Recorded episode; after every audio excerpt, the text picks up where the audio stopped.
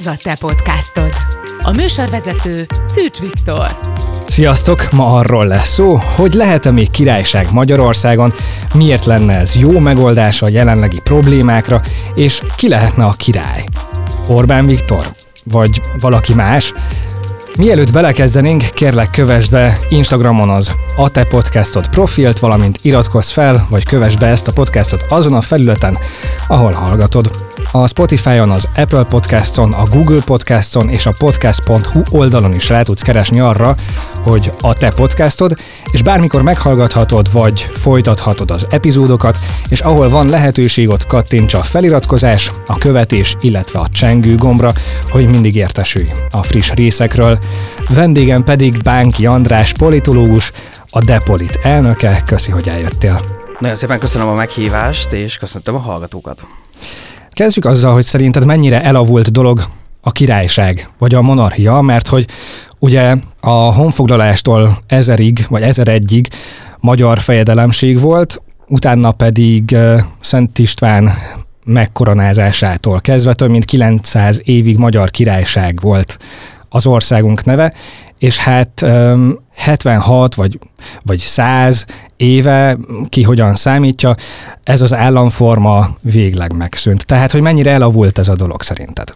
Hát, hogyha az elavultságról kezdünk el beszélgetni, akkor azt hiszem, hogy nagyon jó, hogyha egy lépést még hátra lépünk Magyarországtól, egész, és egész Európára tekintünk. Ez talán azért is jó, mert így talán az érzelmeink kevésbé befolyásolnak minket, hiszen könnyebb olyan országokról beszélgetni és bevonni a beszélgetésbe, amihez nem kötődünk annyira szorosan. És ha ma ránézzünk Európának a térképére, akkor azt láthatjuk, hogy többségben vannak már a köztársaságok, de mégis ö, továbbra is elég jelentős számba találhatók monarchiák az egész kontinensen, és hogyha megnézzük ezeket az országokat, hogy ö, melyek monarchiák és melyek nem, akkor azt láthatjuk, hogy nagyon fejlett államok találhatók a monarchiák között, és olyan államok, ahol például fel sem merül az a kérdés, hogy mondjuk ezek ne legyenek demokratikusak, tehát elég itt ugye a mindenki által ismert ugye Egyesült Királyságot megemlít először, de a skandináv államok legtöbbje, Finnországot leszámítva, tehát a norvégok, svédek, dánok, vagy Belgium, Holland is ide tartozik, tehát én úgy gondolom, hogy maga a királyság és a monarchia az, az nem elavult. Egyébként tök jó, hogy ezt, ezeket említetted, mert um, hát így összeállítottam magamnak egy listát uh, a világ országaiból, ahol figyelembe vettem az egyfőre jutó GDP-t, a boldogságindexet, az emberi fejlettségi indexet, amiben ugye az oktatás és az egészségügy is beleszámít, a jó országindexet, vagyis azt, hogy mennyire járul hozzá az adott ország az emberiség tudományos, technológiai fejlődéséhez, kultúrájához, békéjéhez, biztonságához, világrendjéhez, környezet és klímavédelméhez, egyenlőségéhez, egészségéhez. És egyébként figyelembe vettem a társadalmi haladásindexet is, és részben azt is, hogy az országok mennyire függetlenek az élelmiszer és energiaellátás terén, és hát így összességében kijött egy olyan top 10-es lista, aminek a fele királyság. Nyolcadik az a luxemburgi nagyhercegség, a hatodik a holland királyság, a negyedik a svéd királyság, harmadik a norvég királyság, és első a dán királyság. Tehát, hogy a top 5-ben is három királyság van. Szerinted egyébként ez van összefüggés a között, hogy hogy ezekben az országokban monarchia van, és hogy ilyen sikeresek? Tehát van ennek bármilyen befolyásoló ereje? Én azt hiszem, hogy nem ez a legfontosabb szempont, tehát hogy ezek monarchiák, ezek a sikeres államok. Viszont ez egy szempont a sok között. És az egyik, amiről szerintem még fogunk sokat beszélgetni, az az, hogy nagyon sok esetben a, a monarchia és akár a, a király vagy uralkodó személye alapvetően tud egy olyan nemzeti egységet, egy ilyen közös alapot tekinteni, ami sok más esetben nehezebb. Nem azt mondom, hogy lehetetlen, tehát hogyha nem királyság, akkor lehetetlen ö, olyan államfőkbe megállapodni, és, és egy közös pontnak tekinteni az egész nemzet számára, de mindenféleképpen segít az, hogyha van egy olyan államfő, aki tudja reprezentálni a teljes nemzetet, éppen a kormányon lévőket, épp úgy az ellenzékieket is, amiben nagyjából ö, meg tudnak egyezni, és nem kötődik egyik ö, politikai oldalhoz sem.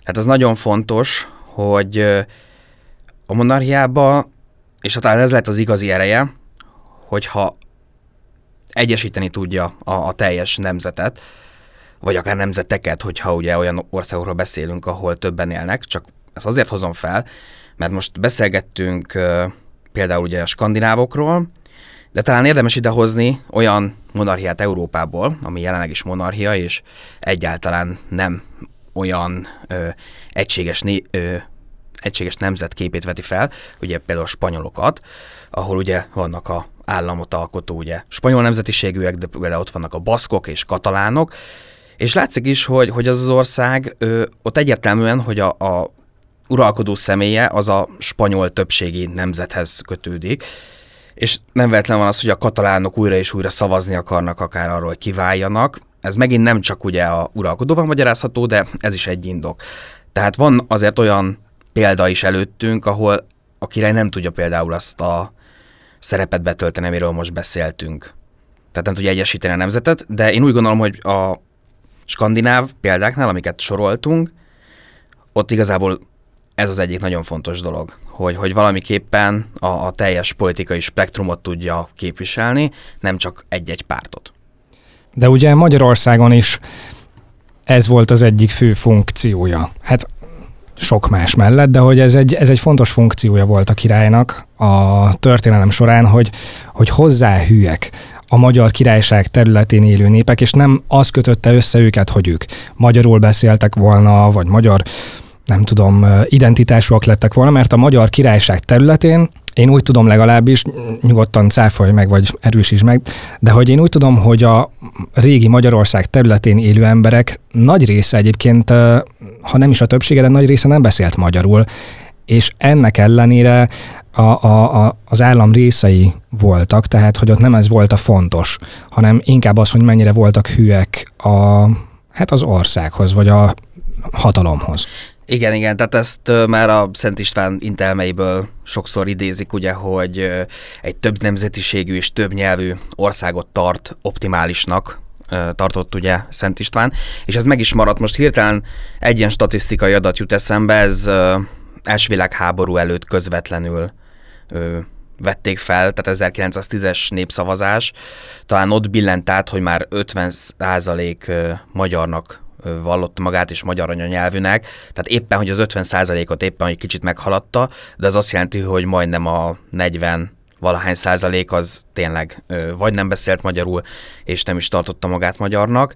Tehát az nagyon fontos volt, hogy igen, az uralkodó az egyesíteni tudta a nemzetiségeket is bizonyos tekintetben. Persze voltak olyan uralkodók, akár Magyarország történetében is, ahol például a 48-as forradalom kapcsán kijátszotta ezeket a nemzetiségeket egymás ellen, tehát azért van erre is és arra is példa. Megint még egy kicsit távolabb menve, és most nem Európában, mielőtt még Magyarországra nagyon rátérnénk, hogy érdemes abba belegondolni, hogy amikor például egy multicégnél dolgozunk, tegyük fel, ahol kicsi tímekbe, kicsi csapatokba dolgozunk.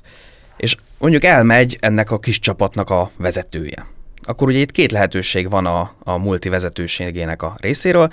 Az egyik, hogy az egyik a csapatból választ ugye egy vezetőt ennek a csapatnak az élére, vagy esetleg hoz valahonnan máshonnan egy vezetőt ennek a csapatnak a részére.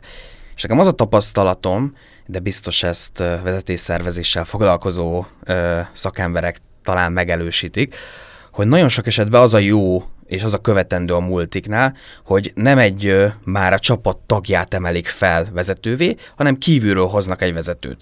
Mert ő ugye nem lesz elfogult a mások irányába, esetleg aki nem, le, nem lett előléptetve a csapatból, az nem fog rá ö, olyan riválisként tekinteni, akire tekintene, hogyha az egyik addig vele megegyező szinten lévő ember lett volna felemelve, és, és talán nagyon érdekes lehet a magyaroknál is, meg Európában, a monarchiáknál, hogy nagyon sok esetben láthatjuk azt, hogy az uralkodó az nem abból a nemzetiségből ö, kerül ki, ami mondjuk a többségi államot alkotja.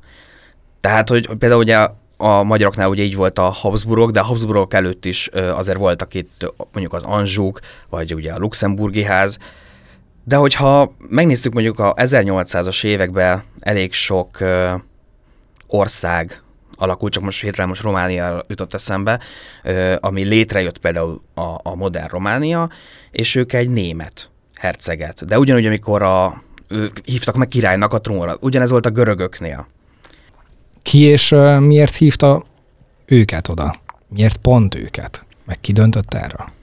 Pontosan nem ismerem ennek a körülményeit, de azt tudom, hogy több lehetőség is volt, tehát több felmerült, és általában ez úgy működött a, a külföldi, tehát még a, a románoknál, hogy, hogy több urak hercegi családnál felvetették, hogy egyik, második, harmadik lehetőség is, is meghívják, és itt ugye egy, egy, egyeztetni kellett ugye a, a német, akkori német császárságnak ugye a, az uralkodó családjával is, és végül is így kerültek meghívásra, és a, a skandináv államoknál is ez előfordult, hiszen ott is voltak olyan időszakok, amikor több skandináv államot egy kézbe, tehát egy akár personál unióba fogott össze egy-egy uralkodó, és amikor ezek külön váltak, ezek addigi hercegi családokat hívtak meg, de összességében tényleg az, a, az, amit fontosnak tartok ebből, hogy sok esetben van az, ahogy a, a moda, modern ö, piaci kultúrába is,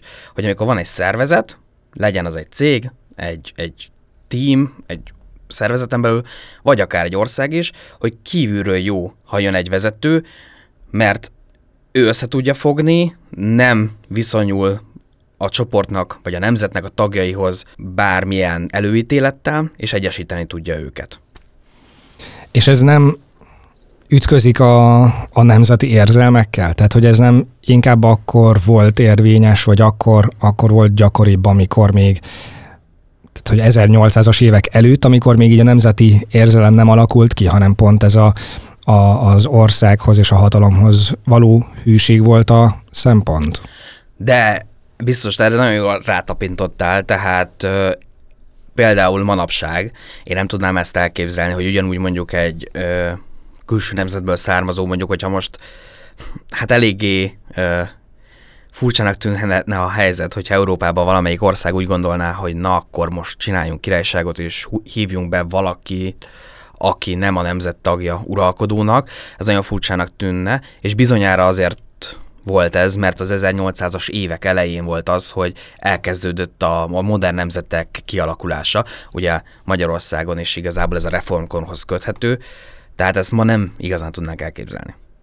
Igen, elég fura lenne, hogyha mondjuk Magyarországon úgy döntenénk, nének, valakik, vagy nem tudom, tehát hogy valahogy az lenne a döntés, hogy Magyarországon királyság legyen, és akkor meghívnak egy németet. Szerintem, tehát az, az hatalmas felháborodást von maga után. Igen, hogyha tegyük azt, csak mondok mondjuk egy Hohenzollern, aki ugye a, a német császárságnak volt ugye a uralkodó családja, az valószínűleg tényleg ilyet váltanak ki. Ellenben, hogyha mondjuk egy Habsburgot, akik ugye esetleg majd erről valószínűleg beszélgetünk is, ugye történelmileg is jobban kötődnek az országhoz, mint pozitív, mint negatív előjellel, ott már egészen más lenne a helyzet. De igen, én is úgy gondolom, hogy ha ebbe gondolkodunk, és ez egy nagyon veszélyes kérdés, hogy, hogy mit, mi lenne, ha, és akkor itt folytathatjuk a mondatot, akkor uh, itt Magyarország esetében vagy uh, egy, egy magyar nemzetiségű szeméről, uh, vagy egy uh, Habsburgról, ami, aki egyébként lehet magyar nemzetiségű is, magyar állampolgárságú, mert azért sok Habsburgnak van magyar állampolgársága. Van egyébként ennek egy valamennyi, de bármennyi realitása, hogy uh-huh. itt felmerült-e ötletként mondjuk így az elmúlt 76 vagy 100 évben, hogy, hogy itt újra köztársaság vagy uh-huh. népköztársaság mikor, mi helyett királyság legyen? Igen, tehát uh, igazából az utolsó vita erről, ez a második világháború lezárulása utáni időszakban volt, amikor 44-be alakul meg igazából az első szabadon választott ugye országgyűlés, az pont Debrecenben volt, még ez abban az időszakban volt, amikor Pest ugye még a német megszállás alatt volt, és nem is terjedt ki ugye az ország teljes területére, és ez egészen körülbelül azt mondják, hogy 47-ig állt fent, ugye ezt nevezik a második magyar köztársaságnak, és itt volt egy parlamenti vita, és utána szavazás, ha, ha valaki érdeklődik ez iránt, akkor egyébként a Slakta Margit nevét érdemes beírni a Google keresőbe és rákeresni. Többek között azért, mert ő volt az első női parlamenti képviselő Magyarországon, és ő nagyon szenvedélyesen és, és intelligensen érvelt egyébként a királyság mellett, de ugye le lett szavazva, és köztársaság lett, amit ö, fontos tudni még, és talán Magyarországról fontos megegyezni, hogy Magyarországon úgy ment végigbe az összes rezsimváltás, tehát a, a királyságból 18-ban őszi rózsás forradalom, tanácsköztársaság, aztán a hortiféle restauráció, aztán nyilas rendszer, és így tovább, és így tovább, egészen odáig, hogy a legutóbbi rendszerváltásig 89-90-ben, hogy az államformáról mindig az országgyűlés, vagy az országgyűlés helyett az a ö, törvényhozó szerv döntött, tehát sose kérdezték meg az embereket. Tehát sose volt népszavazás erről. És akikkel én beszélgettem, már csak azért is, ezt most talán ideje elmondanom, hogy én ugye politológusként nekem más a kutatási területem, de szinte már hobbi szinten is nagyon érdekel ez a, ez a kérdés, és egy szakdolgozatot írtam igazából ebbe a témába, így kapcsolódok ez a témához. És akikkel én beszélgettem, és esetleg ő, akik úgy gondolják, hogy érdemes lenne megfontolni azt, hogy Magyarországnak nem biztos, hogy köztársaságnak kéne lennie, mint államformának, azok azt mondják, hogy ez biztos, hogy nem azon az úton lehet elérni, hogy mondjuk egy népszavazás útján megváltoztatni, mert sose így volt, hanem sokkal inkább felülről, ugye akár egy parlamenti döntéssel, vagy parlamenten belüli döntéssel.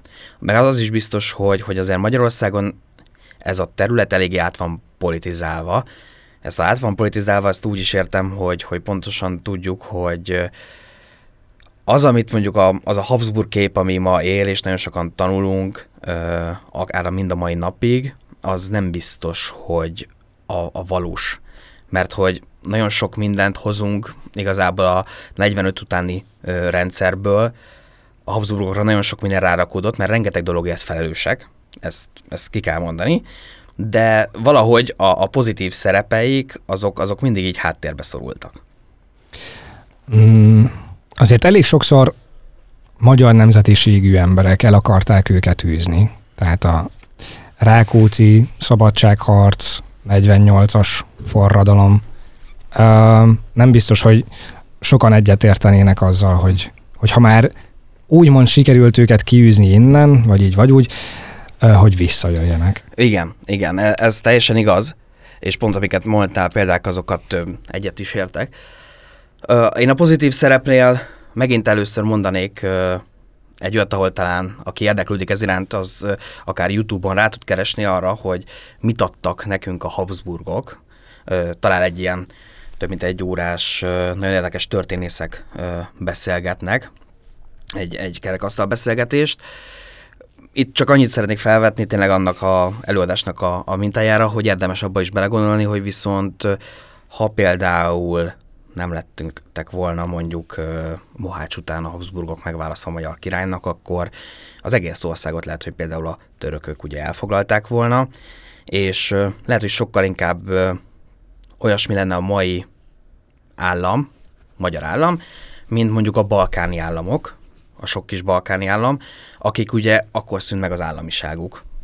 A Magyarországnak meg ugye nem szűnt meg az államisága, csak részben, ugye a területen nagy része az a törökök ö, foglalták el, de a többi része az azért maradt meg, és őrizte meg a hagyományait, mert hogy bár Habsburgok alatt, de, de létezett Magyar Királyság, és például ez egy, ez egy olyan pozitív dolog, ami valahogy én azt érzem, hogy nem köszön újra és újra vissza.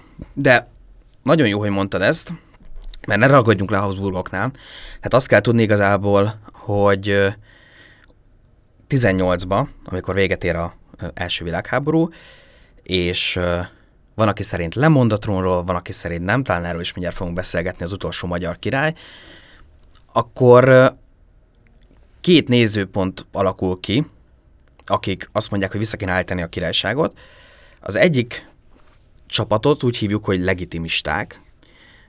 Ők voltak, akik a Habsburg restaurációt szerették volna elérni, leginkább törvényekre hivatkozva, meg hogy ugye a jogfolytonosság, ezért is ö, legitimizmus, legitimisták ugye a nevük.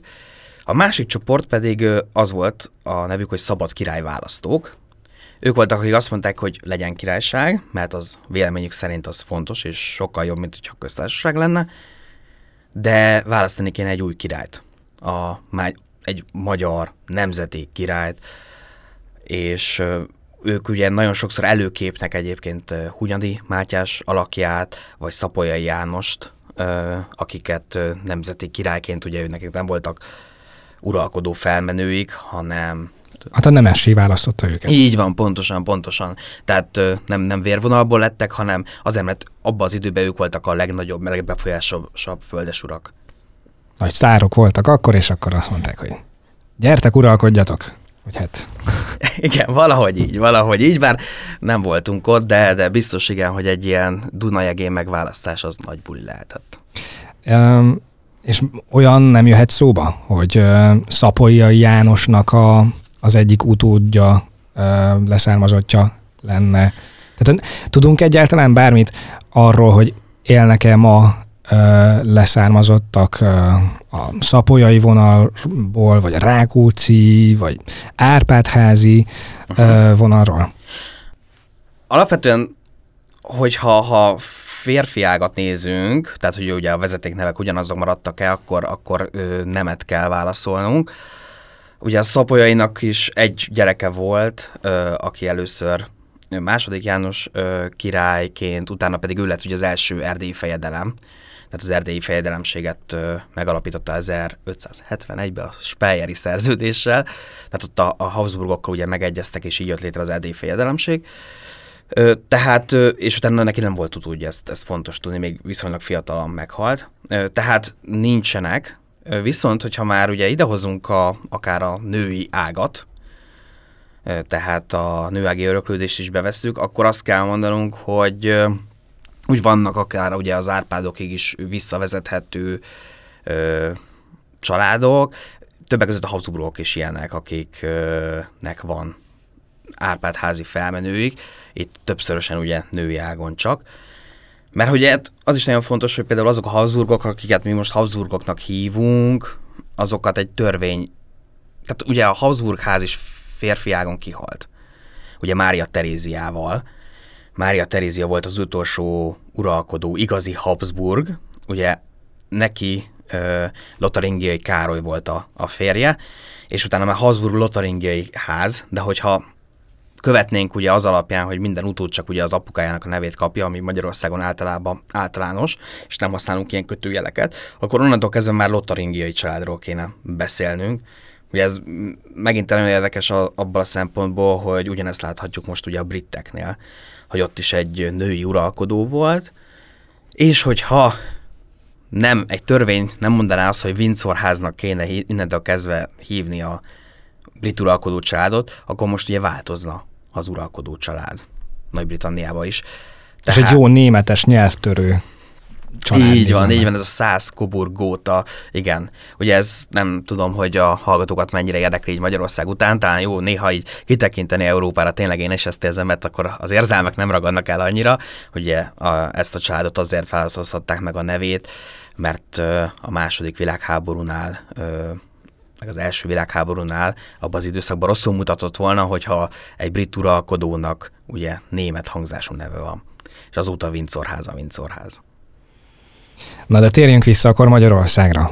Um, Árpádházi leszármazottakra visszatérve. Igen. Ö, alapvetően a Habsburgokat azt, azt ide kell ö, sorolni. Az első Habsburg uralkodón, tehát nem, nem a magyar Habsburg, hanem aki Ausztriának. Habsburg Rudolf, ez a kb. 1200-as évek második felébe lett ö, először német-római császár, hogy ő egyébként több Árpádházi vér volt benne, ez kb. egy egyoldalas, tehát nem egy nagy, leírja szépen a generációkat, mint a ugyanebbe az időszakba negyedik László, akit Kun Lászlónak is hívtak, ugye Árpádházi királyunk, tehát ők kortársak voltak, és több volt benne az Árpádházi vér a Habsburg Rudolfba, a nőági miatt, hiszen gondoljuk bele, hogy amikor egy uralkodó házba, főleg ugye a, a középkorban, általában minden feleség egy másik ország uralkodó házába jött.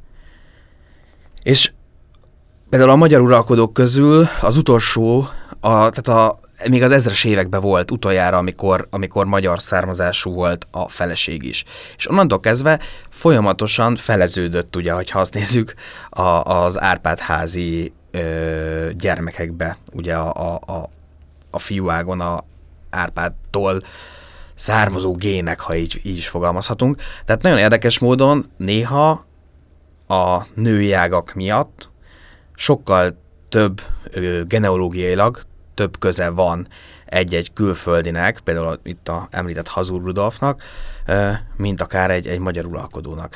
De hogyha Én mondjuk azt mondjuk, hogy nem akarunk Habsburgokat ah, vissza, megértem. menjünk vissza valahogy kicsit függetlenebb e, legyen e, ettől a történelmi behatástól, van olyan, van olyan ága az Árpád háznak, ahogy valahogy öröklődött és kikerült a Habsburgokat?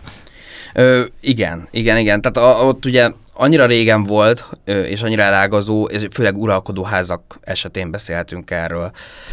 Tehát, ha mondjuk leszűkítjük oda, hogy akkor legyen magyar nemzetiségű, magyarul beszélő, akkor szerintem csalódást kell, hogy okozzak, bár ezt nem jelentem ki százszázalékosan, meg néha azért felmerülnek hogy is mondjam, olyan, olyan emberek, akik maguknak követelik ezt a, ezt a jogot, ők általában mm, megmaradnak ebbe a idézőjeles politikai patológia keretébe, tehát hogy egyáltalán nem kell őket komolyan venni, és talán ide most bekötném azt, hogy az olyan fontos, hogy erről beszélünk, hogy hogy lehet erről a témáról, és remélem, hogy ez lesz igazából az egyik nagy hozadéka ennek a beszélgetésnek, komolyan is beszélni, van, akit, hogyha erről beszélünk, talán meg, meg is erősíthet abban, hogy a mostani helyzet az jó, tehát hogy, hogy itt élünk köztársaságban, de az is felvetülhet pont abban az időszakban, amikor elég régóta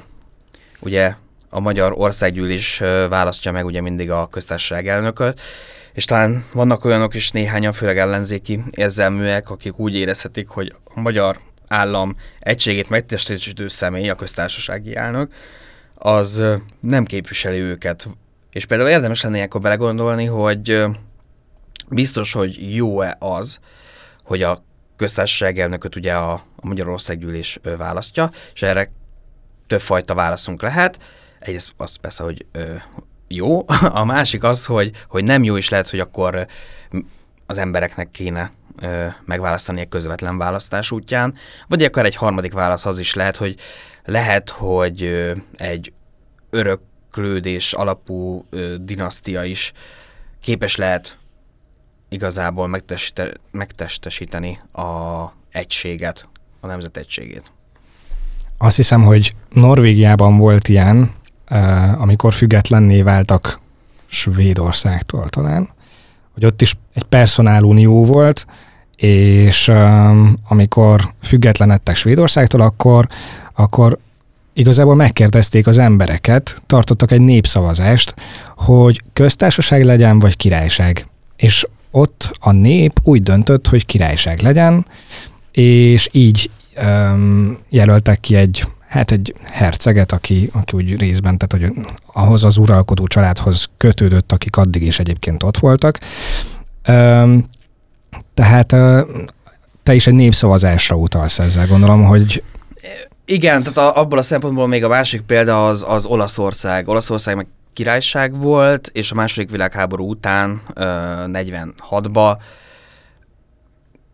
volt egy népszavazás, ott pedig leszavazták, és Olaszország azóta köztársaság. Ott annak az volt egyébként a háttere, hogy azért na, ott a fasiszta rendszer alatt is, Mussolini fasiszta rendszere alatt is ugye folyamatosan királyság volt, és végül ugye a király volt az, aki mussolini is eltávolította a hatalomból, de mégis összefonódott annyira a királyság intézmény ezzel a fasiszta rendszerrel, hogy ez a népszavazáson akkor ugye leszavazásra került. Tehát ez egy, ez egy járható út, de az a probléma népszavazásokkal, amit most talán láthatunk, amikor függetlenségi népszavazások vannak ugye Skóciában, vagy hát egy volt, és többet meg ugye akarnak, hogy amikor van egy népszavazás, az ki tudja, hogy mennyi időre szól. Tehát, hogyha ha van egy népszavazás, és azt mondjuk ilyen hosszú távú dolgokról döntene, mint mondjuk királyság vagy köztársaság, lehet, hogy 10-20-30 év, 50 év múlva egészen más a helyzet. Ugye most a skótok néhány éve volt ugye népszavazás, utána jött ugye a Brexit, a Brexit-tel Skócia túlnyomó többsége nem ért egyet, és most megint ugye arról beszélnek, hogy néhány éven belül, tehát tíz éven belül már ugye egy második népszavazást akarnának kiharcolni, és ugye ez egészen elmet a végtelenségig. Tehát a, a, a népszavazásokkal igazából ez az egyik ilyen nagy probléma, hogy nincs igazából időtartam, ami, ami mellé lett ö, rendelve. Mert nagyon jól hangzik az, hogy megkérdezzük az idézőben az embereket arról, hogy, hogy mit mondanak, de mondjuk gondoljunk bele ebbe az olasz példába, amiről az előbb beszéltünk, hogy 46-ba döntötték el, ugye, aki ott szavazott, az azt jelenti, hogy ugye minimum 18 éves volt, tehát 28-ba kellett minimum megszületnie, vagy még előtte, azóta eltelt 100 év. És valószínűleg már nagyon kevesen élnek, akik 46-ban részt vettek az olaszok közül ezen az olasz népszavazáson, ami eldöntötte, hogy köztársaság vagy királyság, és egyáltalán nem biztos, hogy most bár egyáltalán nem ismerem az olaszok ez irányú nézeteit, az, az így döntene. A mai fiatalságnál sokszor felmerül az a kérdés, hogy jó az, hogyha inkább már az életük javarészét leélt emberek döntenek olyan hosszú távú kérdésekben, ami minket is, gyerekeinket, unokáinkat ö, érinteni fogja. Tehát nem biztos ebből a szempontból, hogy a népszavazás erre egy olyan olyan eszköz, ami, ami hosszú távon megnyugtatóan rendezni tudja ezt. Rövid távon valószínűleg a legmegnyugtatóbb eszköz, mert megkérdeztünk mindenkit, és így vagy úgy döntött ugye a többség. Hosszú távon nem biztos, hogy ez én egy civil egyesületem el is hangzott, ez a Deporit, ez a Debreceni Hallgatók Politikatudományi Egyesülete kötelékébe tevékenykedek, ezt vezettem néhány éve, és, és például nekünk rengeteg munkánk van azzal, ugye, hogy a fiatalok a demokráciához való viszonyát igyekszünk javítani, tehát a, a részvételt leginkább, hogy vegyenek részt ö, kérdésekben. Látjuk, hogy ez egyébként világszintű probléma, tehát mindenhol a fiatalok azok kevésbé ö, vesznek részt olyan döntésekbe is, amihez hozzászólhatnának, és általában ez a dolog ez meg szokott oldódni, ahogy halad előre az életkor, mert hogy egyre inkább részt vesznek, és ö, később 10, 20, 30, 40 év múlva egy valószínűleg azok is részt fognak venni, akik most nem vesznek részt, de ez, ez egy állandó probléma, és ezzel csak így lehet ö, fellépni, hogy, hogy folyamatosan próbáljuk valamilyen szempontból edukálni a fiatalokat, hogy, hogy megéri részt venni, és ö, egy, egy bizalmat kialakítani feléjük.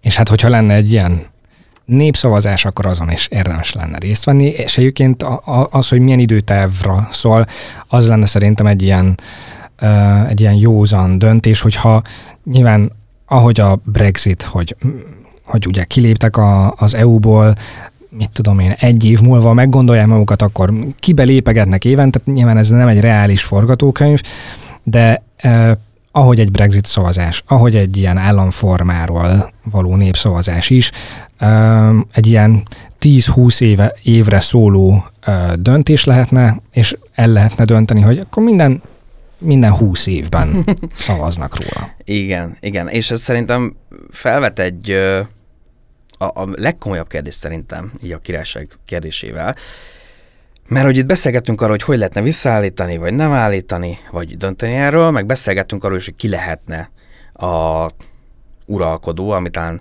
nagyon sokaknak a legszexibb kérdésnek tűnik ebbe a témakörbe, de szerintem a legfontosabb kérdés nem is ezek, hanem az, hogy ha mégis királyság lenne, akár nem csak Magyarországon, hanem bárhol, az ugye mit is jelentene. Tehát nem biztos, hogy, hogy ez csak egy kirakat személy lenne, mint sok esetben, nyugaton, mert ugye nagyon sok esetben csak ceremoniális jogosultságai vannak ugye az uralkodóknak, hanem talán érdemes idehozni, hogy ugye Magyarországon, amikor királyság volt, ugye első világháború előtt, időszakban, mert királyság volt, hogy tényleg volt király, és nem ugye, mint a Horti kormányzósága idején, mert neki nem voltak meg azok a jogosultságai, mint egy királynak. Betöltetlen volt a Így van, így van. Trón. És az azért volt fontos, mert alapvetően ez úgy működött, hogy a törvényhozás az ugye a Magyar Országgyűlés két háza, az hozott törvényeket, és ugye a királynak ezt szentesítenie kellett. És a király bármikor mondhatta azt, hogy én ezt nem szentesítem. Tehát azt akarom mondani, hogy ha megnézzük, hogy a politikai hatalom az 50-50 százalék volt, teljesen szimmetrikus volt a politikai hatalom, volt a törvényhozás, és volt az uralkodó, és a, a kettőnek 50-50 százalék volt, úgy, mint manapság például az Amerikai Egyesült Államokban. A törvényhozásnak ugye van két háza, a képviselőház meg a szenátus, ugyanúgy bármelyik kezdeményezhet törvényt, és hogyha a másik nem egyezik bele, akkor nem lesz ebből törvény. És ugyanez volt a helyzet ugye a, a magyar uralkodónál, és ez egy, ugye látszik is, azért hoztam ide például az Amerikai Egyesült Államokat, hogyha egy ilyen szimmetrikus hatalom megosztás van, az, az nem biztos, hogy mondjuk ellentétes a mm, demokráciával. Mert miközben azt látjuk, hogy akár az Egyesült Királyságban is, ö, és a legtöbb ö, modern alkotmányos monarchiában Európában aszimmetrikus ez a hatalom megosztás, akár ma Magyarországon is, hiszen amikor az országgyűlés kezdeményez egy törvényt, akkor most is az államfő, a Magyar Köztársaság elnöke, az visszadobhatja ilyen-olyan indokkal egyszer, kétszer, háromszor, de hogyha ezeket újra meghozzák a törvényt, ugyanúgy szavaznak, akkor el kell fogadnia, és nincs mérlegelési joga, és a előterjesztésből tényleg törvény lesz. És talán ez, én ezt tartom az egyik legfontosabbnak, hogy amellett, hogy ki lesz a király, meg hogy lehet ezt eldönteni, hogy van-e értelme egyáltalán változtatni az államformán, akkor, ha minden mondjuk nagyjából ugyanígy marad. Tehát ugyanígy aszimmetrikus lesz a mm, törvényhozásba igazából az államfőnek a szerepe, tehát ugyanúgy a királynak, uralkodónak alá kell ugyanúgy írni a minden törvényt, és, és ugyanannyiszor küldhet mindent mondjuk vissza, mint a mostani köztársasági elnök, akkor tényleg nem lenne az uralkodó vagy az államforma lecserélésének semmi szerepe, csak egy, egy szimbolikusság.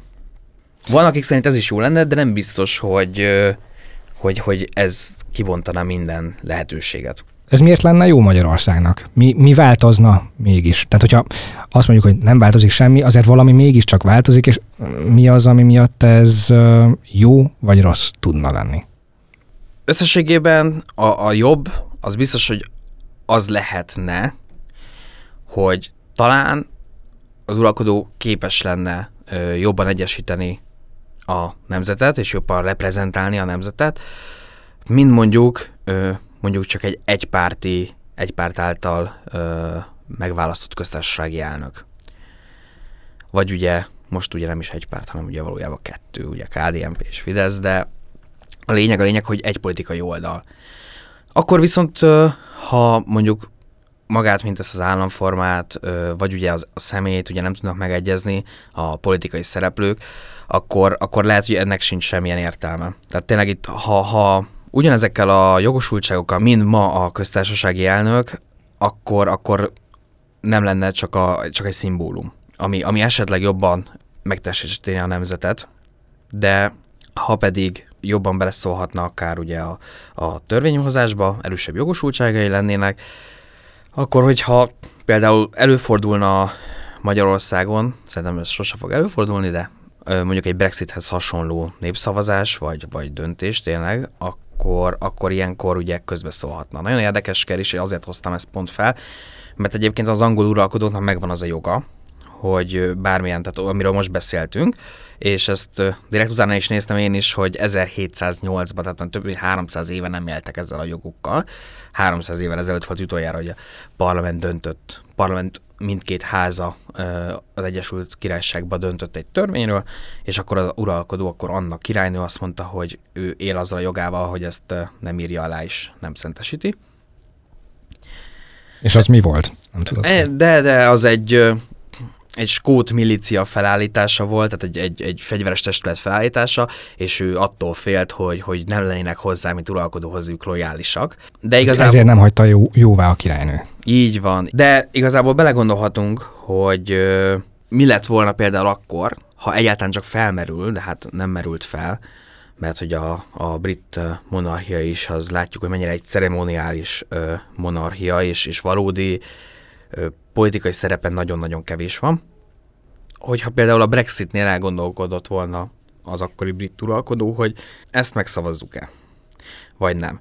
Meg azt is láthatjuk, hogy bár mondjuk ezt, hogy a magyar uralkodónak ugye megvolt ez a joga, és a legitimisták erre is mondják azt, hogy ezért is nem lehet azt mondani, hogy a, például a Habsburg háznak ugye volt egy trónfosztása, több trónfosztása is a magyar történelemben, de a legutolsó, az a, az a Hortikorban lett ugye ö, megszavazva, és azért mondják, hogy ez ugye egy nem érvényes törvény, mert hogy az ő érvelésük szerint csak úgy lehetne érvényesen trónfosztani egy uralkodót, ha az uralkodó is beleegyezik. Ah. Hát ebben milyen uralkodó I, menne hát, bele?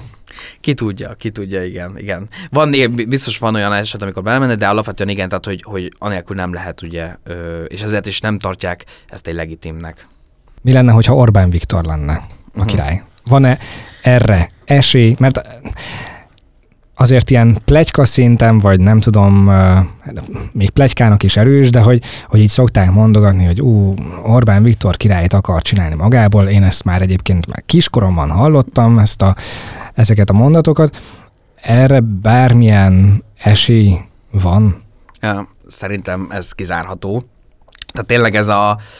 Ez mutatja igazából azt, hogy meg, hogy a monarchiával szembe, vagy a királysággal szembe milyenek a, a magyaroknak az attitűdjei. Mert hogy ugye mennyire egy ódivatú és alapvetően egy negatív színbe látják, ugye nem véletlenül ugye többek között a Habsburgokkal és az ő viszonyukkal, ugye ezt tanulgatjuk és tanítják nekünk általában a érettségi eléréséig. Ugye általában a magyar szabadságharcokról és a rossz Habsburgokról hallunk, és ide be lehet helyettesíteni, helyettesíteni a, a rossz királyságot, és ugye a király az, az tulajdonképpen egy nagyon sok esetben ugye egy diktátorként jelenik meg. Én azt kizárnám, tehát arról is nagyon sok pletyka volt, mielőtt ugye most meg lett választva a mostani köztársasági elnök, hogy Orbán Viktor lehet, hogy nem bízik ugye a választási győzelembe, és köztársasági elnöknek szeretné megválasztani magát, hiszen a köztársasági elnöki választás az még a 2022-es országgyűlési választások előtt volt. És hát láttuk, hogy hát ez nem így volt, és nem akarta. És én nem is tudom, tehát nem tudom elképzelni őt köztársasági elnökként. Egyrészt azért sem, mert a köztársasági elnöknek nincsenek erős jogosultságai Magyarországon békeidőben. Ha esetleg egy nem békeidőről beszélünk, amikor háború van, akkor jelentősen megnőnek egyébként, a, mivel ő a honvédségnek a főparancsnoka, tehát ott akkor jelentősen megnőnek azért a jogkörei, de békeidőben nincsen nagy ö, szerepe, és tényleg ceremoniális, és a legfontosabb az az, hogy neki egyesítenie kéne ugye az egész országot, az egész nemzetet, és ö, Orbán Viktorról nagyon sok rosszat és nagyon sok jót el lehet mondani, de talán azt egyik oldal se vitatja, hogy ő nem az a személy, aki teljes egészében egyesíteni tudná a nemzetet. Tehát ez, ez egyértelmű, és szerintem ő se ringatja magát ebbe a hitbe, hogy, hogy erre megfelelő személy lenne. Hát valószínűleg ő is tisztában van azzal, hogy megosztó uh, személyiség, de amúgy az sem lehetetlen dolog, hogy miniszterelnöki székből elnöki székbe üljön valaki oda-vissza, e, e, egyik székből a másikba majd visszaüljön, mert hogy például Putyin ezt csinálta. Így van, így van, így van, így van, egy elnöki székből, állam elnöki székből, miniszterelnöki székbe.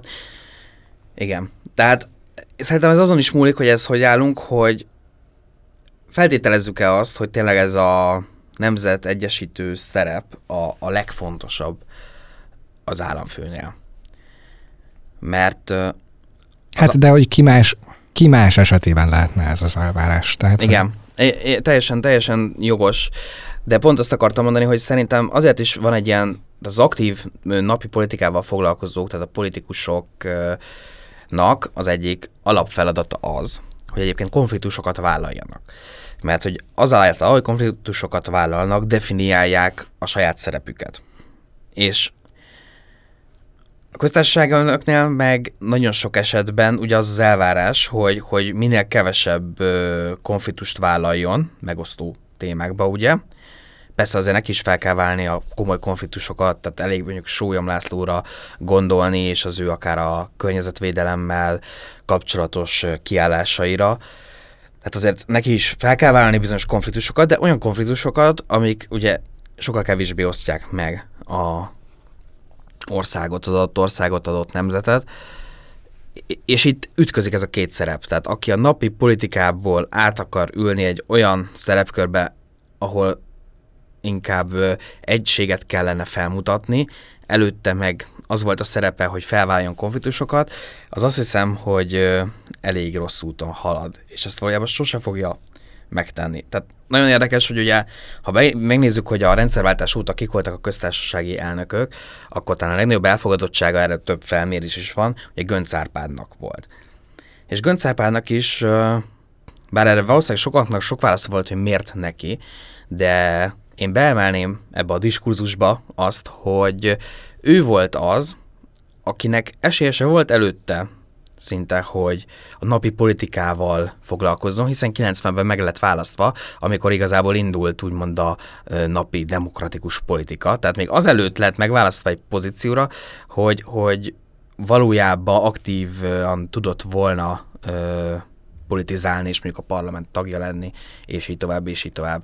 Tehát neki valószínűleg ez hozzájárul a, a szerepéhez, és hogyha a többi valamennyire elismert ö, köztársasági végig tekintünk, általában azok az elismertek, akik előtte nem töltöttek be mm, mondjuk országgyűlési képviselő tisztséget, tehát uh, Mádul Ferenc, ugye aki jogász professzor volt, aztán uh, Sőjöm László már egy megosztóbb személyiség, bár ő ugye nem volt országgyűlési képviselő, de előtte ugye alkotmánybíróságnak az elnöke volt, akinek eléggé bele kellett folyni a, a politikai korábbi csatákba, tehát a, most az utóbbi köztársasági elnökök általában pedig országgyűlési képviselők voltak, ugye az utolsó három, Schmidt Páltól kezdve, és ők rajtuk látszik is az, hogy Elég az ország, így van, az ország nagy része nem tekinti őket olyan személynek, aki egységet tudna teremteni. Uh-huh.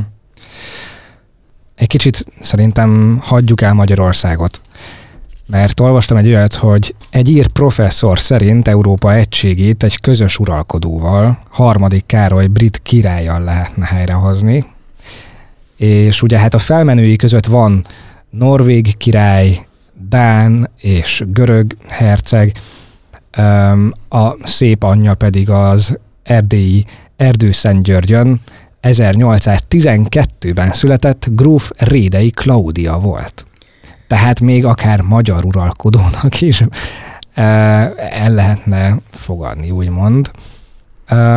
Te mit gondolsz erről a megállapításról? Mert nem arról, amit így most hozzáadtam, hanem hogy az ír professzor szerint a brit uralkodó Európa uralkodója lehetne.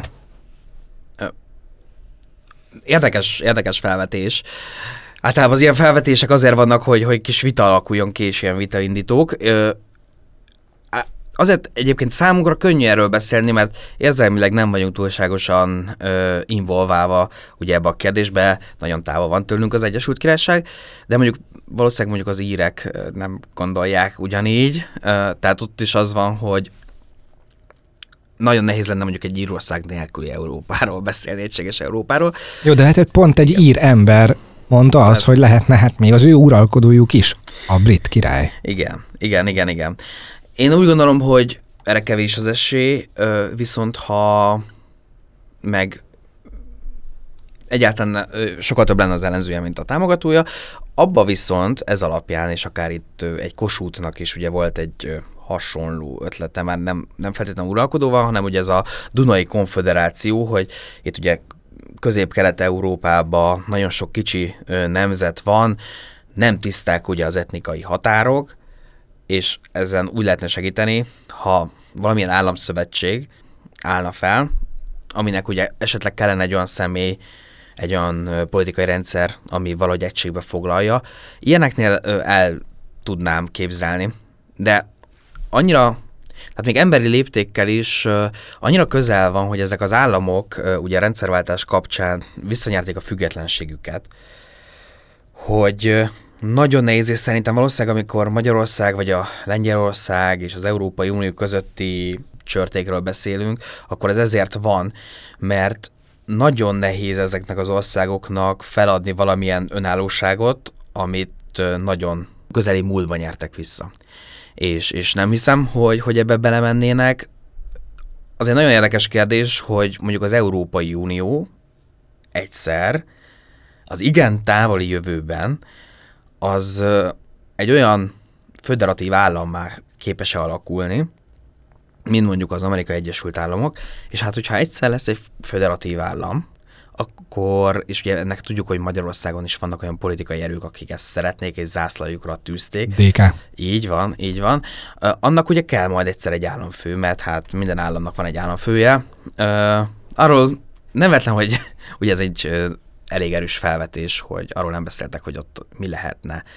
De én azt látom, hogy harmadik Károly, brit uralkodó, a briteknek is elég megosztó, ahhoz képest, hogy ugye az édesanyja az milyen személy tudott lenni, ami egységesíteni tudta a nemzetet. Szóval jobb erre majd akkor visszatérni lehet egy-két év múlva, amikor már látjuk, hogy egyáltalán Nagy-Britanniát egyben tudja tartani, mert ugye itt például a skót függetlenségi törökvésekről beszélgettünk az adásba, tehát jobb arra visszatérni, hogy nem tennék akkora terhet az emberek vállára, egy uralkodó vállára se, aminek még a töredékével is lehet, hogy nem tudnak birkózni. Igen, azért um, tehát második Erzsébetet az egész világ tisztelte igazából, mindenki felnézett rá, és harmadik Károly első um, királyi megmozdulása, amikor alá kellett írnia a igen, igen, Mit is? Nem emlékszem pontosan, az volt a lényeg, igen, hogy tehát alá kellett írnia ugye egy, egy papírt, és ugye egyből látszott, hogy, hogy egyébként mennyire ideges, frusztrált. Igen, mint egy hisztis kisfiú úgy viselkedett. Igen, igen. Mert tehát, hogy ezt mondták sokan. És egyébként látszólag egyébként így is történt, de hogy mi volt a heterben, nyilván nem tudjuk, de hogy már rögtön ezen lovagoltak az emberek, hogy az első napja, napján, vagy az első napjai egyikén, hogy, hogy ő hogyan viselkedik. Tehát, igen, hogy eléggé kritikusak hogy, vele szemben. Igen, az egyértelmű, hogy pont látszik, hogy a tulajdonképpen szerintem brit királyi család egyik tagjának lenni az valószínűleg olyan, mint hogyha az ember egész élete egy valóságsúly lenne. És ez nem segít ezen. Um, ha viszont Európának tényleg úgy lenne, hogy majd egy távoli jövőben, vagy a hát a DK szerint egy közeli jövőben lenne egy föderatív jellege Európának, és lenne egy közös uralkodója esetleg, akkor, tehát ugye azért a római birodalomnak, a, tehát a római birodalom idején ugye volt egy eléggé szerteágazó hatalom. Európában egy egységes uralkodó volt a római császár, és ugye azt meg örökölte úgymond, vagy hát meg szerette volna örökölni, és így kikiáltotta magát az örökösének a német-római birodalom, és annak is volt egy császár, és az úgymond valamilyen szinten az államok uh, uralkodóinak volt, uh, tehát felettük állt, hogyha ebből kiindulva lenne ugye E, Európának újra egy közös uralkodója, akkor e, ki más lehetne így az európai mondjuk császár. Tehát, hogy ugye csak mondom, hogy e, miket olvastam így a neten, hogy ugye volt Napóleon, akinek egy eléggé kiterjedt hatalma volt, és neki van egy utódja, Jean-Christophe Napóleon, de valaki, valakik őt gondolnák, hogy esélyes lenne erre. Vannak, akik Habsburg Károlyt tartják erre alkalmasnak, és hát a spanyol királyra is, spanyol királyról is írták, hogy akár ő is lehetne. Mm. Szerintem ez egy nagyon jó kérdés abból a szempontból is, mert eléggé visszaköt minket a beszélgetésünk elejére, amikor arról kezdtünk el beszélgetni, hogy nagyon jó néha, ha, ha van egy közösség, amit egy olyan személy tud egyesíteni, ami nem biztos, hogy a közösségből származik. És én azt gondolom erre, hogy minden felsorolt személy, akit, akit most felsoroltál, on, annak valószínűleg lennének támogatói, és valószínűleg még több ellenzője, még egy ilyen helyzetben is, amikor egyértelmű, hogy mondjuk csak belőlük lehet választani, de a, a leghosszú távú megoldás szerintem az lenne, hogyha egy európai nagy közös államnak a feje, ha a monarchiába gondolkodunk, akkor egy nem európai személy lenne. Tehát, hogy kívülről kívülről ö, érkezne valami. Tudom, ez, ez most ilyen lehet formavontó, és felrúgtam itt a, a szabályokat. Egy amerikai, vagy egy indiai, vagy... Nem, e, ez nem, nem is akarok, nem is akarok ebben most így ö, belemenni. Japán császárnak az utódja? nem, tényleg, tényleg nem, nem, nem akarok így belemenni és, és találgatni, ö, főleg nem így, így neveket mondani.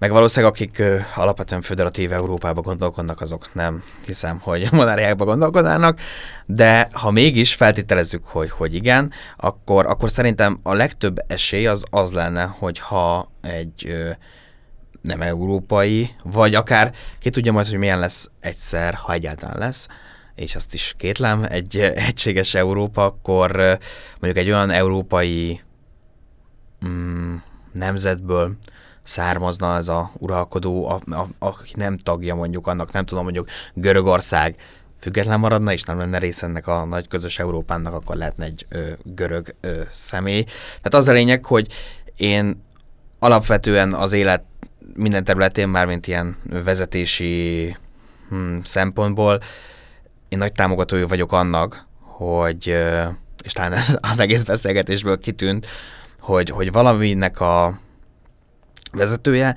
az legyen egy külső személy, mert neki nagyon sok esetben ö, jobb a mm, rátekintés ezekre a dolgokra.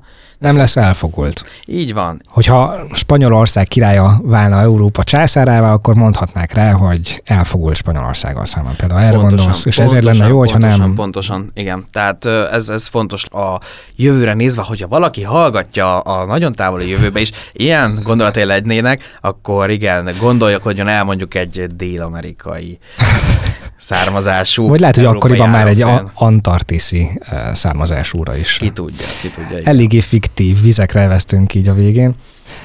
Hallgattad a, a Lakner Zolis beszélgetést? Igen, igen, igen, igen. Meghallgattad az első podcast adásom? Sőt, a másodikat és a harmadikat is. Ó, hát eh, ennek nagyon örülök. Lakner Zolival a végén beszélgettünk arról, hogy ki lehet eh, Orbán Viktor utódja, akár Fidesz részéről, uh-huh. akár az ellenzék részéről. Um, te mit gondolsz ezzel kapcsolatban? Én gondolok neve, a nevekre is, ugye majd kimondom, de a legfontosabb szerintem az, hogy, hogy szerintem, ha majd Orbán Viktornak lesz utódja, akkor, akkor valószínűleg egy utódja lesz, csak ezért azt akarom mondani, mert utána meg valószínűleg tovább fog bomlani a Fidesz. Tehát szerintem a Fidesz egyébként, mint ezt a nagy konglomerátumot, igen, tehát a, a Fidesz, mint egy ö, politikai szervezetet, ezt Orbán tartja egybe, és hogyha majd egyszer lesz egy utódja, az valószínűleg nem fogja tudni úgy egybe tartani. Uh, Akkor egyetértesz Zolival azzal kapcsolatban, hogy, hogy Orbán Viktornak van egy ilyen mágikus hatalma, úgymond, ami, a, a, ami hát, nincs meg más ha, fideszes. Ha, igen, nem, nem, má, igen, igen, tehát nem is mágikusnak, hanem ilyen karizmatikusnak, Erős. igen, mondanám, de igen, igen, igen, tehát úgy gondolom, hogy, hogy vannak többen is, aki erre a pozícióra pályázik, mert ahogy telik az idő, egyre valószínűbb, hogy, hogy ez előbb-utóbb ugye be fog következni. Ugye nagyon sokan ugye a Lázár János emlegették ö, sokáig. Igen, és róla beszéltünk is két mondatot Zolival, és kaptam rá egy olyan kritikát, hogy, um, hogy nem igaz az, hogy hogy csak Orbán lenne az, aki ugye feláll, tehát hogy azt is meg tudja csinálni, hogy feláll a székre, és úgy szónokol a népnek, meg, meg mellette van egy víziója is, mert hogy, és mert hogy ezt, mond, ezt mondta Zoli, hogy, hogy ez csak Orbán Viktorra jellemző, másra a Fideszben nem, ahogy Lázár Jánosra sem, és a kritika szerint, amit kaptam a podcast egyik hallgatójától, hogy Lázár Jánosban is megvan ez, mert hogy ő is volt, hogy felállt a padra, és onnan mm. szónokolt, és szerinte Lázár, János, Lázár Jánosnak is van víziója, tehát hogy nem igaz, hogy Ö, csak ez, ez, ezzel a részével, ezzel az utolsó két kitétellel, kitétellel egyetértek. Én is úgy gondolom, hogy van, van víziója, és hogy formabontó módon is tud kommunikálni. Talán szerintem itt is az is fontos, ugye a, a Fidesz egy néppárt, ami bár tudjuk azt ugye a közvénykutatási adatokból, hogy vannak olyan ö, társadalmi csoportok, aminek a körében nagyobb a Fidesz támogatottsága, mint ö, egyéb csoportokban, de mégis mindenhonnan van. Tehát vannak fővárosi fideszesek is, igen, vannak, még akkor is, ha kevesebben, mint mondjuk a vidéki fideszesek. Vannak ö, bőven egyetemet, főiskolát végzett fideszesek, akkor is, hogyha tudjuk, hogy többen mondjuk, akik nem végeztek el mondjuk maximum csak a nyolc osztályt. Ott még több Fideszes van. És, és nagyon fontos az, hogy egy ilyen néppárt élen egy olyan személy álljon, aki mindenkit meg tud szólítani. Itt visszakötnék ugyanegy a monarchiákról szóló beszélgetésre, és én a, a Lázánál például az, az nagyon rossznak tartom, kívülről, hogy ő teljesen szándékosan, ez látszik, minden interjúban ő, mint a vidék zászlóvivőjeként építi fel magát, és én nem tudom, még nagyon kíváncsi lennék mondjuk budapesti fideszes szavazókra, hogy, hogy mit gondolnának róla is. És egyértelmű, hogy a budapesti szavazók akár kisebbsége is szükséges bármelyik pártnak ahhoz, hogy, hogy hatalomra kerüljön. És nem hiszem, hogy mondjuk a Fidesz megválasztaná egy olyan embert első emberének, aki megtaszítaná ezeket a, a szavazókat. Szóval igen, az, az, az szerintem még hozzátennénk azon kívül, hogy legyen víziója, meg hogy legyenek nagyon jó kommunikációs készségei. A, bárki is lesz nem csak a Fidesznek, hanem bármilyen ilyen nagy pártnak a, a vezetője, annak nem szabad, hogy elutasítottsága legyen egy kifejezett csoportba se. Tehát ezt akarom mondani, hogy nem lehet az, hogy akkor, mit tudom én, nem lesz sose egy vezető, aki mondjuk azt mondja, hogy hát mondjuk, nem tudom, a szakgimnáziumokba, hogy ezek a régi szakiskolák, tehát, hogy az olyan végzettséggel rendelkezőket nem szeretném megszólítani, vagy kifejezetten... De hát ilyen mindig lesz, nem?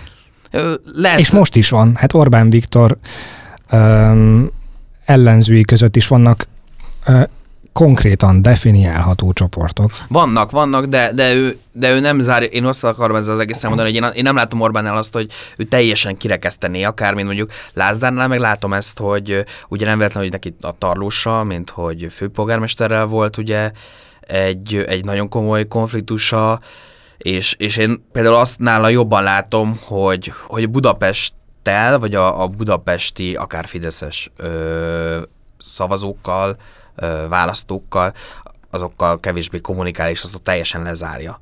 Tehát biztos az, hogy megvan mindenkinél egyértelmű, hogy valakikhez jobban húz, vagy valahol jobban rezonál az ő üzenete, és ezzel nincs is semmi baj, viszont azt szerintem senki se teheti meg, hogy kizár egy teljes csoportot, főleg mondjuk egy olyan nagy csoportot, mint Budapest, ahol Budapest és vonzás körzete az ország mondjuk 20%-a, és a választók 20%-a is. Azt én nem teheti meg egy nagy pács, aki hatalomra akar kerülni, hogy arról nem mondjon. De ne, ne ragadjunk le Lázár Jánosnál, szerinted ki más lehet a Fideszen belül Orbán Viktor utódja? Uh-huh. Hát biztos, hogy olyan, személyeket kell keresnünk, uh, akiknek uh, kevés nagy botránya van, tehát nem elég befolyásos, szerintem az nagyon fontos, hogy ne, nem elég nagy befolyásos, hanem viszonylag botrányoktól mentes uh, embereket keresni, csak tehát most mondok egy példát, aki szerintem például befolyásos, de elég sok botránya volt ahhoz, hogy ne legyen az utódja, például a Rogán Antal, uh, akit épp a sok botránya miatt egyáltalán nem tartok én erre alkalmasnak, mármint hogy úgy alkalmasnak, hogy a választók nem választanak meg. Mm, de például szerintem még Szijjártó Pétert érdemes itt megemlíteni, akivel szemben természetesen itt is van rengeteg ellenérzés sokakban, de mégse volt olyan komoly botránya, hogy kizárná mondjuk ebből a körből. Tehát én, én mondom Lázárt, Szijjártót raknám most oda erre, erre a polcra, ami legközelebb van. Kocsis Máté? Ő neki azért is nincs olyan sok konfliktusa, mert egy kicsit háttérbe is van ö, szorulva.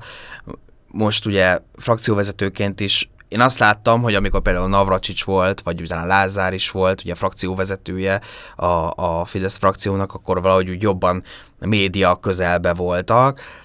Kocsis valószínűleg csak a ha egy tippelnem kéne, akkor, akkor inkább egy, egyszer majd egy főpolgármesteri jelöltségre építenék fel. Tehát ő nagyon távol van még attól, hogy megtestesítse azt az egységet, amire mondjuk egy, egy Fidesz országos elnöknek szüksége lenne. Na és hogyha az ellenzékről beszélünk, akik ugye eléggé, mm-hmm. um, hát leszerepeltek, vagy csúnyán szerepeltek a, az előző választáson, uh, annak ellenére, hogy egy, hát így elég, hát egy kívülről érkező uh, személy jött, ami most visszautalva az első beszélge, a Lakner Zolival uh-huh. való beszélgetésünkre, ő is azt mondta, hogy kívülről érkezhet az ellenzékbe egy olyan valaki, aki, aki erős lehet, de hát ugye úgy, Márki Zaj Péter uh-huh. is kívülről jött, és te is ezt mondtad egyébként ugye a mai igen. beszélgetésben így van a monarchiákról, hogy, hogy egy kívülről érkező ember lehet a, a legmegfelelőbb. Szóval ki lehet szerinted az, aki, aki ott um, egy erős ember lehet? Uh-huh. Most egy ilyen kívülről érkező szemét én, én nem látok. Uh, én úgy arra gondolok, hogy valószínűleg a következő hm, terv az az lehet, ami, ami valamennyi sikerrel talán kecsegtethet, hogy felépíteni akár nem egy listát, egy közös listát, egy nagy közös összefogást, hanem Csehországban volt ugye az utolsó választáson, ott két nagy ellenzéki listára ö, bomlott igazából a, az ellenzék, és nem, összesen összességében többségbe kerültek, és ma ők alkotják koalícióba ennek a két nagy közös pártlistának ugye a pártjai a cseh kormányt, tehát egy ez hasonló tudok elképzelni. Egyértelmű, hogy utóbbi időszakban a Demokratikus Koalíció és a Momentum az bejelentkezett ennek a két ha így mondjam, ellenzéken belül ide különálló tábornak a vezetésére. Tehát én arra gondolok, hogy valószínűleg nem egy, tehát amikor majd ha egyszer ez sikerre vezetne, akkor nem egy kívülről jött személy lenne az, hanem, hanem ebből a két táborból kerülhet ki, vagy dk vagy egy momentumos vezető. Én azt gondolom, mert hogy úgy látszik ez, a, ez az én fixa ideálom, hogy, hogy fontos az, hogy minél jobban képviselje minél több embert, ezért én, én a Momentumra tenném a voksomat, hogy esetleg onnan kerülhet ki valaki, mert ők kevésbé elutasítottak, mint mondjuk a Demokratikus Koalíciónak a tábra országos szinten. Ide nem csak a saját szavazóikat, hanem akár a Fideszes szavazókat is beleértve. Tehát ott, onnan ha onnan jön valaki, talán jobban megszólíthatja őket, még a DK-ból valószínűleg nem sok Fideszes szavazót tud behúzni. Mhm, tehát, hogyha mondjuk így jósolni kéne a következő választásra, akkor valószínű az lenne, hogy lenne a Fidesz, és lenne két ellenzéki lista, e, az egyiket vezetné mondjuk Dobrev Klára, a másikat pedig hát minden logika alapján Donát Annának kéne. Igen, igen. Annyi, hogy ugye féltávnál két év múlva kicsivel, most már kevesebb, mint két év múlva, ugye lesznek a ország, vagy a önkormányzati és az európai parlamenti választások, ott nagyon sok minden el fog dőlni szerintem. Például, hogyha a Jobbik külön indul, hogy egyáltalán megüti az 5%-ot, ugyanez a MSZP-re vonatkozóan. Tehát az még nagyon átalakíthatja a az 26-os erőviszonyokat, hmm. igen. igen. Tehát addig nehéz lenne, tehát akkor még, ha tudom, hogy a mai több beszélgetésünkben is sokszor a mi lesz, ha, mi lett volna, ha kérdést feszegettük. Valószínűleg a 24 ö, májusi választások után lesz érdemes erről beszélni. Zolival beszéltünk Nagy Ervinről, uh-huh. mint egy kívülről érkező ö, esélyes. Te mit gondolsz róla? Vagy az olyan uh-huh. személyekről, mint például Molnár Áron? Az nagyon érdekes, hogy alapvetően média személyiségek azok feltűntek ö, nyugati, vagy hát most, hogyha Ukrajnára gondolunk, akár ö, tőlünk keletebbre lévő ö, államok vezetésébe is, és hirtelen be tudtak robbanni. Tehát Magyarországon erre még nem volt példa, és előbb-utóbb szerintem lesz. Itt most hirtelen a két szemét mondtál, mm, akkor úgy gondolom, hogy az első személy, már mint Nagy Ervin nő, neki valószínűleg egy szélesebb elfogadottsága lenne, és valószínűleg azért lenne szélesebb elfogadottsága, mert ő kevésbé ártotta bele magát a napi politikai küzdelmekbe, még akkor is, hogyha már megnyilatkozott, mint mondjuk ugye a másik személy, ugye Noir, és emiatt valószínűleg ő egy olyan személy lenne, hogyha csak így kettőbe gondolkodunk, aki, akit jobban el tudnék képzelni, de itt a nagy kerés az, hogy bár én nem vagyok egy művész ember, de amennyit én gondolok a, a művész emberekről, nekik nagyon nehéz lehet feladni az életüket, és azt a szabadságot, amivel rendelkeznek, és hosszú távon beleragadni a, a politika idézőjeles, vagy nem annyira idézőjeles bűzös mocsarába, és idézőjelben megint összekenni magukat a, a mocsokkal, ami néha itt a közéletbe található. Tehát én azért is furcsálom, és akár én a Zelenszkitől is, hogyha például csinálnék egy interjút, akkor ezt biztos megkérdezném, hogy egy alapvetően egy, egy művész embert mi viszel odáig, hogy 0-24-ben átnyergeljen a, a politikára, és a más egyéb akár művészi ambícióit ugye onnantól kezdve ne tudja megmutatni.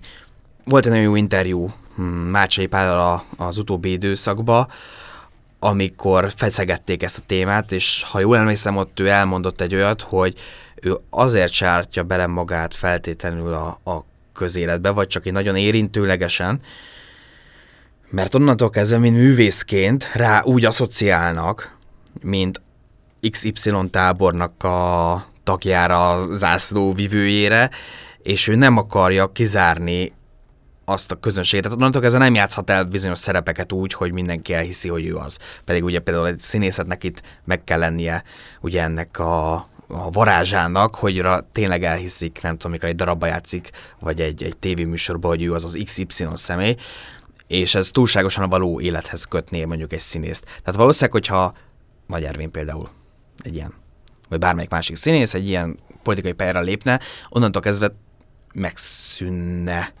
ugyanannak a művésznek lenni, mint korábban. Ennyi fért a te podcastod mai adásába. Köszönöm, Bandi, hogy eljöttél. Én köszönöm, hogy meghívtál. Gyere máskor is, ti pedig tartsatok velem legközelebb is, addig pedig irány az Instagram, kövessétek be az a te podcastod profilt, valamint azon a felületen, ahol hallgatjátok a te podcastodat, kattintsatok a feliratkozás, a követés, illetve a csengő gombra, hogy mindig értesüljetek a friss részekről. Találkozunk hamarosan, sziasztok! A te podcastod.